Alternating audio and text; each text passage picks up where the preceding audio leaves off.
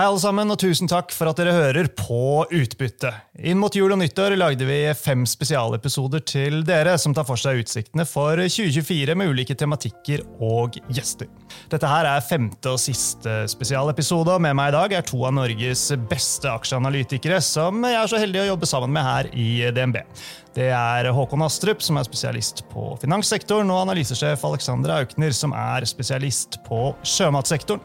Et åpenbart spørsmål vi skal innom, er hva som taler for at disse sektorene vil kunne gi en god avkastning i 2024.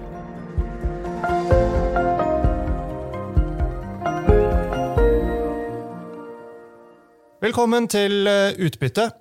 DNB-podkasten der vi forklarer hva som skjer innen den globale økonomien og finansmarkedene. Jeg er Marius Brun Haugen, og med meg har jeg altså Håkon og Alex. Velkommen, karer. Takk, takk. Takk, Marius. Dere er begge kåret til Norges beste analytikere for deres respektive sektorer flere år på rad, og 2023 det ble ikke noe unntak, så jeg får vel si gratulerer. Takk skal du ha. Takk for det. Men enda viktigere så er det vel at analyseteamet vårt har blitt kåret til best på aksjer i Norge i mange år på rad. Og Det er ikke noen selvfølge, og vi er selvfølgelig glad for at kundene våre setter pris på produktet som vi har til dem. Men noen tanker fra dere? altså Hva er det som gjør at kundene våre bruker og verdsetter analysene våre? Nei, det er, et, det er et godt spørsmål, og sikkert et spørsmål du helst skulle stilt til kundene. Men det er jo noen noen fellestrekk. Vi har veldig mange senioranalytikere som har vært i stillingen i mange år og bygget opp gode både kunderelasjoner, men også kompetanse på, på sektoren. Så det, det, at vi har hatt ganske lite gjennomtrekk, tror jeg har vært ganske viktig på, på seniorsiden. I tillegg så, så, så, har vi jo et godt produkt, både skriftlig produkt og, og den kommunikasjonen som vi har med våre kunder, er særdeles bra. Mm. En av de tingene som, som, jeg tror mange verdsetter, er jo det at vi gjør litt proprietær research. Alle analytikerne står helt fritt, helt selvstendig til å gjøre sine egne analyser. Og det har vi sett historisk har fungert veldig veldig bra. Mm. Håkon, hvis du skal oppsummere 2023. Det har jo vært litt uh, tricky, uh, sånn summa summarum. Føler du at det har gått uh, greit? Absolutt, i hvert fall fra de aksjene som jeg følger, bank og finans, har det vært et uh, trikk i år. Vi fikk jo en liten, liten bankkrise inn i, inn i, året også, som var, uh, var, krevende og det sto på. Så det var jo også enkelte banker som uh, gikk nesten konkurs eller måtte bli slått sammen med, med andre. Men for de, de nordiske så sto de seg støtt gjennom dette her, og vi må tilbake til før finanskrisen for å se et år hvor, hvor bankene har tjent eller hatt såpass god avkastning da, som de har i år. Ja da, og litt uh, konsolidering har vi også begynt å se nå på slutten av året. Kanskje kommer litt tilbake til det etter hvert. Uh, tenkte sånn generelt uh, rundt dette med analysejobben ja, som dere gjør. den utvikler seg vel, den, som de fleste andre stillinger. Altså, Hvilken retning går det, Alexander? Blir det mer og mer kundemøter og webkaster og podkaster som vi lager her? Konferanser og, og mindre egentid inni, dypt inne i Excel? Nei, jeg tror vi, vi må utvikle oss eh, det med, med, teknologien. og Både webcasts og, og podcasts og annet er jo en del, av, eh, en del, av, det. Vi når ut til flere enn hva vi normalt sett ville gjort, så det tror jeg bare er fornuftig. Ellers så, så driver vi og pirker litt borti AI, vi også, som alle andre. Det, det, er vi nødt til å gjøre. Vi tar det nå i første omgang litt sånn betatesting på, på bakrommet og ser hva vi kan få til. Og én ting vi gjør, er jo bl.a. å ta opp alle morgenmøtene og får uh, Artificial Intelligence da, til å skrive et summary. Det vi har sett er at det har fungert egentlig veldig bra i, over ganske lang tid, men plutselig så er det uh, feil som dukker opp her og der. Da. Så vi er ikke klare til å slippe, slippe tømmene helt ennå. Det trengs et hode på toppen før vi sender ut noe som helst fra, fra vår side. Ja da. Men eh, AI det vil nok også kunne hva skal vi si, føre med seg eh, effektiviseringsmuligheter også i uh, analytikerjobben. Men så får vi se. da. AI er god på bilder og språk så langt, men hvor god den er på matte, det gjenstår å se. Får vi sikkert mer om i 2024. I forhold til rekruttering, det kan jo godt hende at det er noen som hører på som gå med en liten uh, analytikerspire i seg. Altså, jeg opplever det i hvert fall sånn at uh, vi lykkes med å få tak i, i flinke folk, uh, også nyutdannede. Man skal ikke nøle med å ta kontakt med oss, Aleksander. Nei, stort sett så er vi jo en preferert arbeidsgiver, og vi har jo, som du påpekte, et av de beste meglerhusene i, i landet. Uh, og vi er også veldig flinke på, på, analysesiden. Så det er klart at uh, vi har internships, uh, både summer internships og off-cycle eller winter internships. og vi har graduate-stillinger hvor vi ansetter folk ut fra, ut fra skolen. Mm. Og overall så vil jeg si at det er, det er jo ganske kompetitivt. Det er mange som søker. Men vi har gode prosesser og har fått veldig mange flinke mennesker nå inn de siste, siste par årene. Oppfordringen er eh, herved eh, sendt. Disse tingene her er jo litt på siden av det vi eh, pleier å snakke om. Det er jo stort sett markedet og utsikten, og det er det vi skal konsentrere oss om resten av episoden. Når vi sitter her og spiller inn dette, så er det 15. desember, men når dere lyttere hører dette, så er det 4. januar 2024. Så vi får ta et lite forbehold da, om at kortsiktig kursutvikling og nyhetsstrøm kan påvirke ting i den mellomperioden, men jeg tror likevel at de store linjene i dag kommer til å stå seg eh, greit. Så ja, Håkon, du var jo litt inne på det i sted, men hvis vi starter med deg, altså, hvordan vil du oppsummere 2023 for eh, banksektoren? Det har vært et veldig spennende år, i hvert fall følge fra, fra, fra min side. Da. Det er jo det er ikke vært år vi får med oss eh, en bankkrise. Det er jo begynner å bli en stund siden sist. Da, så var det jo spesielle banker som var særlig utfordret nå, og de, de nordiske kom seg, kom seg, greit igjennom. Da. Men vi har jo sett at nå som renten har kommet opp, så har jo også lønnsomheten i banksektoren steget. Men det har også ført med seg at uh, enkelte investorer da, har blitt mer bekymret for, for utlånstap. Uh, for, for utlånstap. Så selv om lønnsomheten har vært god, så ser vi at prisingen bankene har i dag, er ikke fryktelig høy i historisk, historisk sett. Mm. Hva med sjømatsektoren da, Aleksander? Ehm, det har skjedd ting der også? Ja da, det har det absolutt. Ehm, sist jeg sjekket, eh, så var vel sjømatindeksen opp uh, ca. 2% mer enn Oslo Børs. Så det har vært et godt år for sjømat også. Eh, eksportverdien er opp 16% så langt i år. Og prisen kommer til å ja, ligge rundt 90 kroner for 2023. Så det er klart at det er jo et fantastisk tall. Um, og det har jo vært uh, ja, Grunnrenteskatt begynner liksom nå å legge seg litt bak oss. Det er jo for så vidt uh, bra, selv om uh, Det har preget året som har gått? Ja, det har preget året som har, som har gått, og man blir nesten svimmel av å prøve å følge med på, på, alle de bevegelsene. Og nå har vi jo, kall det siste nytt, er jo at Erna på har gått ut og sagt at de fortsatt ikke støtter en grunnrenteskattmodell, og heller ønsker en produksjonsavgift hvis de kommer til makten på et senere tidspunkt. Så det er klart at grunnrenta har preget bildet, men Mitt inntrykk nå er at det ligger litt mer i baksetet. Nå er det egentlig den store operasjonelle forskjellen mellom selskaper, drevet av biologi eller fiskehelse. Eh, det har vært den store liksom, snakkisen, og det tror vi kommer til å prege 2024. På en måte Prøve å forstå hvilke drivere er det egentlig som kommer til å styre supply demand-siden. Mm ta om det, mer om det snart. Men uh, få høre litt om uh, banksektoren først. Da. Håkon, du sendte nylig ut en uh, rapport, uh, gjentar det positive sektorsynet, og, og, mener vel summa summarum at utsiktene for bank de står seg godt. og Prisingen på en sånn ja, ganger PE på sektornivå er attraktivt? Absolutt. absolutt. Lønnsomheten er god, lønnsomhetssiktene er gode. Vi tror at marginene kommer til å falle litt framover etter hvert som også rentene kommer litt ned. Men når det er sagt, så er lønnsomhetsfokus lønnsomhetsfokuset i sektoren er til stede. Eh, slik at vi tror ikke på noe vill priskrig. Eh, og på når det gjelder kredittkvalitetssiden, så selv om tapene mest sannsynlig skal litt opp fra et lavt nivå, så tror vi det vil være veldig håndterbart. Så vi ser jo for oss egenkapitalavkastning på over 13% vi for de, for de mest lønnsomme bankene vil også nevne at uh, Utsiktene for utbytte er jo bedre enn det har vært på en stund. Uh, vi har lønnsomme banker, de er solide. og I tillegg så kommer nok utenlandsveksten til å komme litt ned i, uh, i årene framover. Og det vil også muliggjøre det å betale ut større andel av årsresultatet enn det vi har, det vi har sett før. Mm.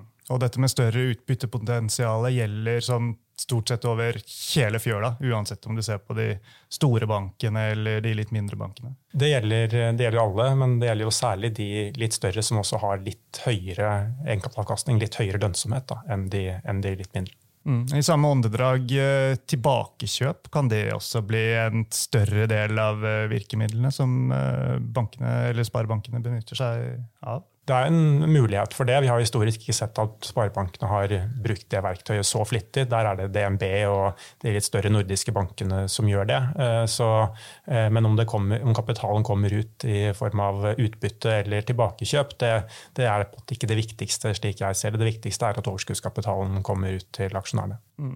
Men dette her med lånetap, da. Hvis vi går inn i en periode med, ja, eh, hvor tidene blir eh, enda litt tøffere, litt eh, trangere, makroen litt eh, dårligere Vi har liksom eiendomssektoren hvor eh, støvet kanskje ikke har lagt seg helt eh, ennå. Bør man ikke være litt bekymret da? Jeg som bankanalytiker er alltid bekymret. og Det er alltid noen sektorer vi fokuserer mer på enn andre. Akkurat nå er det det som skjer på næringseiendom, men også innenfor boligutvikling og, bygg og anlegg der vi tror at tapene der eh, kommer opp, men eh, at det skal være veldig håndterbart for bankene. Og på næringseiendomssiden ser vi at bankene har jo ikke tatt del i euforien i prisøkningene som vi har sett de, de foregående da, ti årene. De har jo ikke eh, økt sin belåningsgrad ut mot kundene, heller det motsatte har skjedd. Da, slik at bankene har jo en relativt bra buffer i form av at utlånene er betydelig mindre enn en, en verdien, da, som gjør at bankene har en har en bra buffer. Og så må vi også huske på at uh, godt over 50% av utlånene til norske banker det er boliglån. Og der er kredittkvaliteten veldig, veldig god, slik vi ser det. Mm. Vi har akkurat fått en litt, eh, litt, overraskende renteheving fra Norges Bank. Eh, nå er vi oppe på 4,5% Hva gjør dette her i forhold til forventningene til låneveksten som bankene klarer å levere på?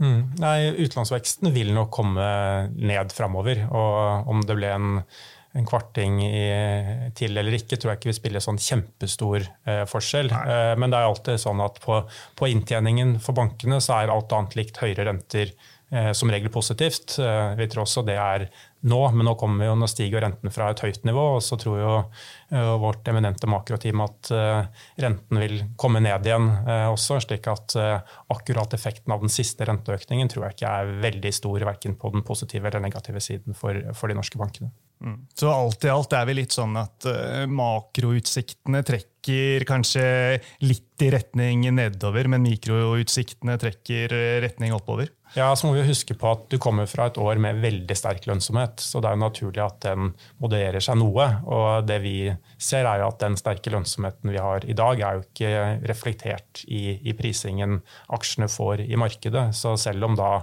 eh, lønnsomheten kommer ned noe fra det det er akkurat nå, så er det fortsatt uh, veldig attraktivt slik vi ser det. Du nevnte at uh, det er åtte ganger neste års forventet inntjening, og vi ser uh, en direkteavkastning ja, med, med utbyttegild på, på oppunder, tett oppunder 10 da, i flere banker. Mm. Og toppanbefalinger det er per nå Sparebanken Vest og SR-Bank, er det ikke det? Det stemmer. det stemmer, og det jo, Du nevnte jo at det er litt konsolideringsaktivitet i, i sektoren. og SR Bank er jo den som absolutt er, aktiv her med denne fusjonen de skal gjøre med uh, Sparebank1 Sørøst-Norge. Det er ikke alt, alle, alle aksepter på plass, men vi tror at det går den, går den, veien. og Da blir jo de en helt klart en, en, klarere nummer to da, av de norskeide bankene i Norge etter, etter DNB. Mm. Ok, da må vi snakke litt uh, sjømat og laks også, uh, Alexander. Og når vi sitter her, uh, lakseprisene er vel sånn ja, litt på lave 80-tallet, er det ikke det? Uh, hva slags forventninger har du for neste år i estimatene dine? Ja, Det blir vel midt på 80-tallet. Nå neste uke var vel det siste datapunktet. For neste år så forventer vi 88 kroner kiloen. Så det er jo ganske flatt versus 2023. Eh, det er egentlig drevet av eh, to ting. Det ene er at tilbudsveksten er ganske lav. Eh, vi ligger inne med 4,5% vekst i slaktevolumet i 24.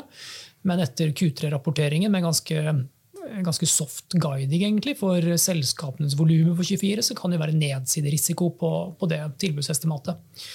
Og normalt sett, når du har liksom 2-3% tilbudsvekst, så skal jo prisene stige. Man pleier å si at demand er liksom et sted mellom 6 og 8 da. Mm.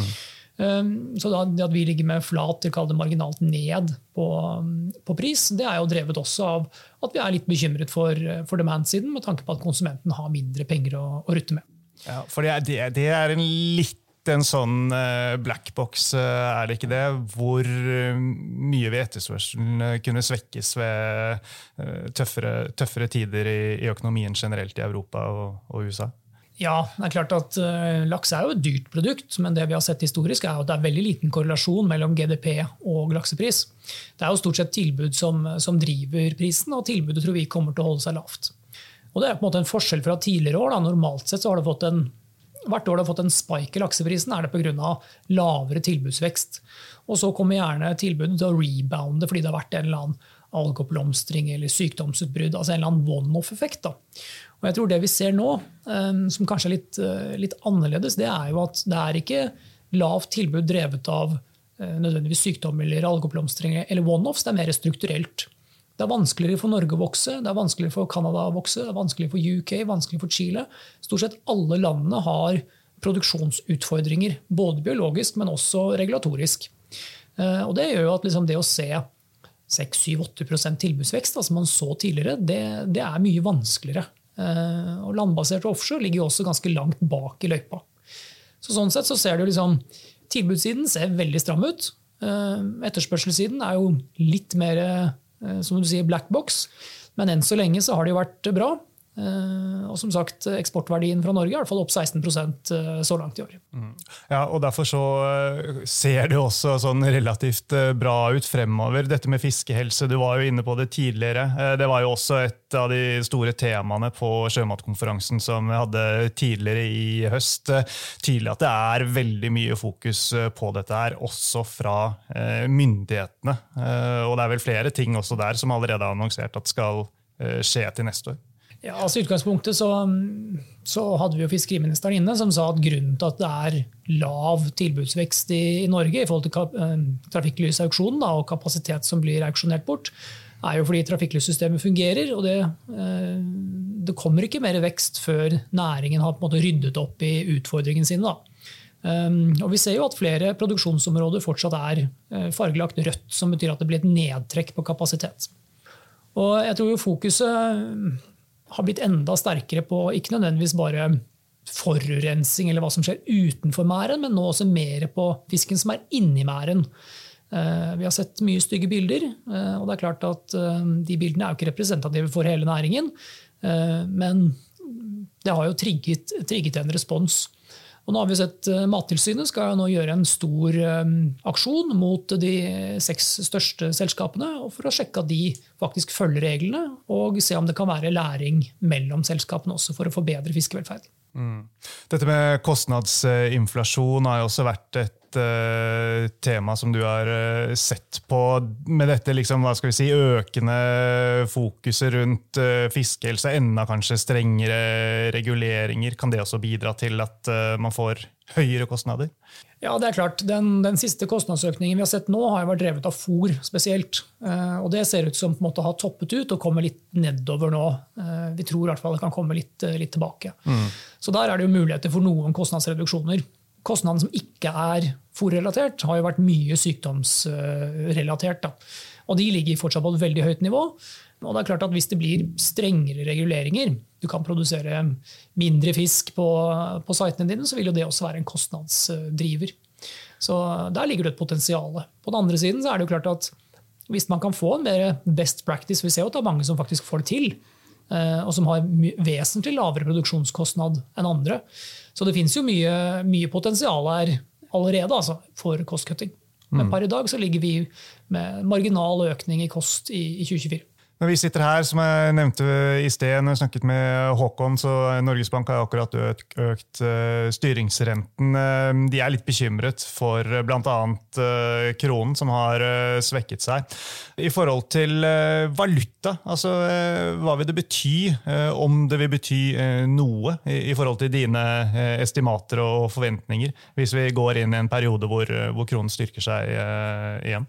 Ja, Normalt sett er en kronestyrkelse ikke bra for eh, eksportselskapene som, eh, som eh, laks er. Da. Vi, vi, ligger jo inne med en euronok på 11,50 i våre estimater. så Sånn sett så er egentlig dagens valutakurs helt på linje med de forventningene vi har. Og så er det klart at en, en halv krone, kall det styrkelse mot, mot euroen, det, det, slår ganske hardt på, på, selskapsestimatene. Da snakker man kanskje 6% ned på EPS. da. Mm. Så sånn Kort uh, oppsummert, uh, der vi er uh, nå, utsiktene for sjømat for 2024 er gode, men litt blanda drops er det. Hva er det som er toppanbefaling nå? Ja, som, For å gjenta meg selv, holdt jeg på å si, så syns jeg jo tilbudssiden ser veldig stram ut. Så det er jo bra. Etterspørselen er litt mer shaky, og der er nok vi kanskje på en litt mer forsiktig fot. Som sagt, Vi har 88 kroner i prisestimat for neste år. Forward-prisen ligger på 98.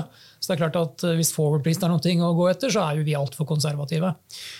Det er riktig, det er litt sånn blandet drops. Noen ser fullpriset ut. Eh, per i dag så er det nok egentlig litt sånn traust, men gå med Movi. Størst, mest likvid. Eh, gjør det egentlig veldig bra biologisk. God performance i, i veldig mange av de store regionene sine. Og handler faktisk på en, på en fornuftig prising da, i forhold til hva det har gjort historisk. Ellers så syns vi jo Austevoll, der er det fryktelig mye uh, deep value, som man kaller det. Uh, spesielt uh, hvis man ser på eiendelene som ikke er Lerøy Seafood. Blant annet Pelagia mener vi er betydelig undervurdert, sånn som selskapet prises, prises i dag. Bra det, karer. Da får jeg bare si tusen takk for at dere tok dere tid til å komme hit og gi oss en oppdatering. Og sist, men ikke minst, folkens, tusen takk til alle dere som hørte på.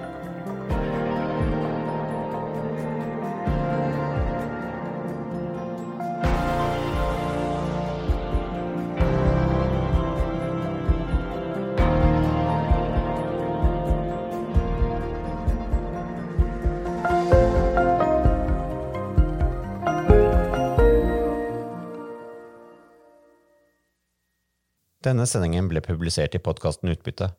Innholdet i sendingen er å anse som markedsføringsmateriale fra DNB og er ment å være generell spareveiledning. Sendingen skal ikke oppfattes som et tilbud om å kjøpe eller selge finansielle instrumenter, eller som investeringsrådgivning tilpasset den enkelte investors situasjon. En investor som har behov for råd eller har spørsmål og informasjon som gis, bør kontakte en finansrådgiver. DNB påtar seg ikke noe ansvar verken for direkte eller indirekte tap som følge av innholdet i sendingen legges til grunn for eventuelle investeringsbeslutninger. Husk at historisk avkastning aldri er noe garanti for fremtidig avkastning. Avkastningen kan bli negativ som følge av kurstap. Bruk av prognoser for å beregne fremtidig avkastning er heller ingen garanti for fremtidig avkastning. Innholdet i sendingen bygger på informasjon fra offentlig tilgjengelige kilder som DNB ser på som pålitelige, men som ikke er uavhengig verifisert. Følgelig gir DNB ingen garanti i forhold til nøyaktighet og fullstendighet. Alle uttalelser her reflekterer DNBs, den enkelte ansatte, eller andre tredjeparts vurderinger på tidspunktet for den aktuelle sendingen, og kan i ettertid endres uten nærmere beskjed. Ytterligere informasjon om bl.a. kildebruk og interessekonflikter er tilgjengelig på dnb.no skråstrek invest, bindstrek disclaimer.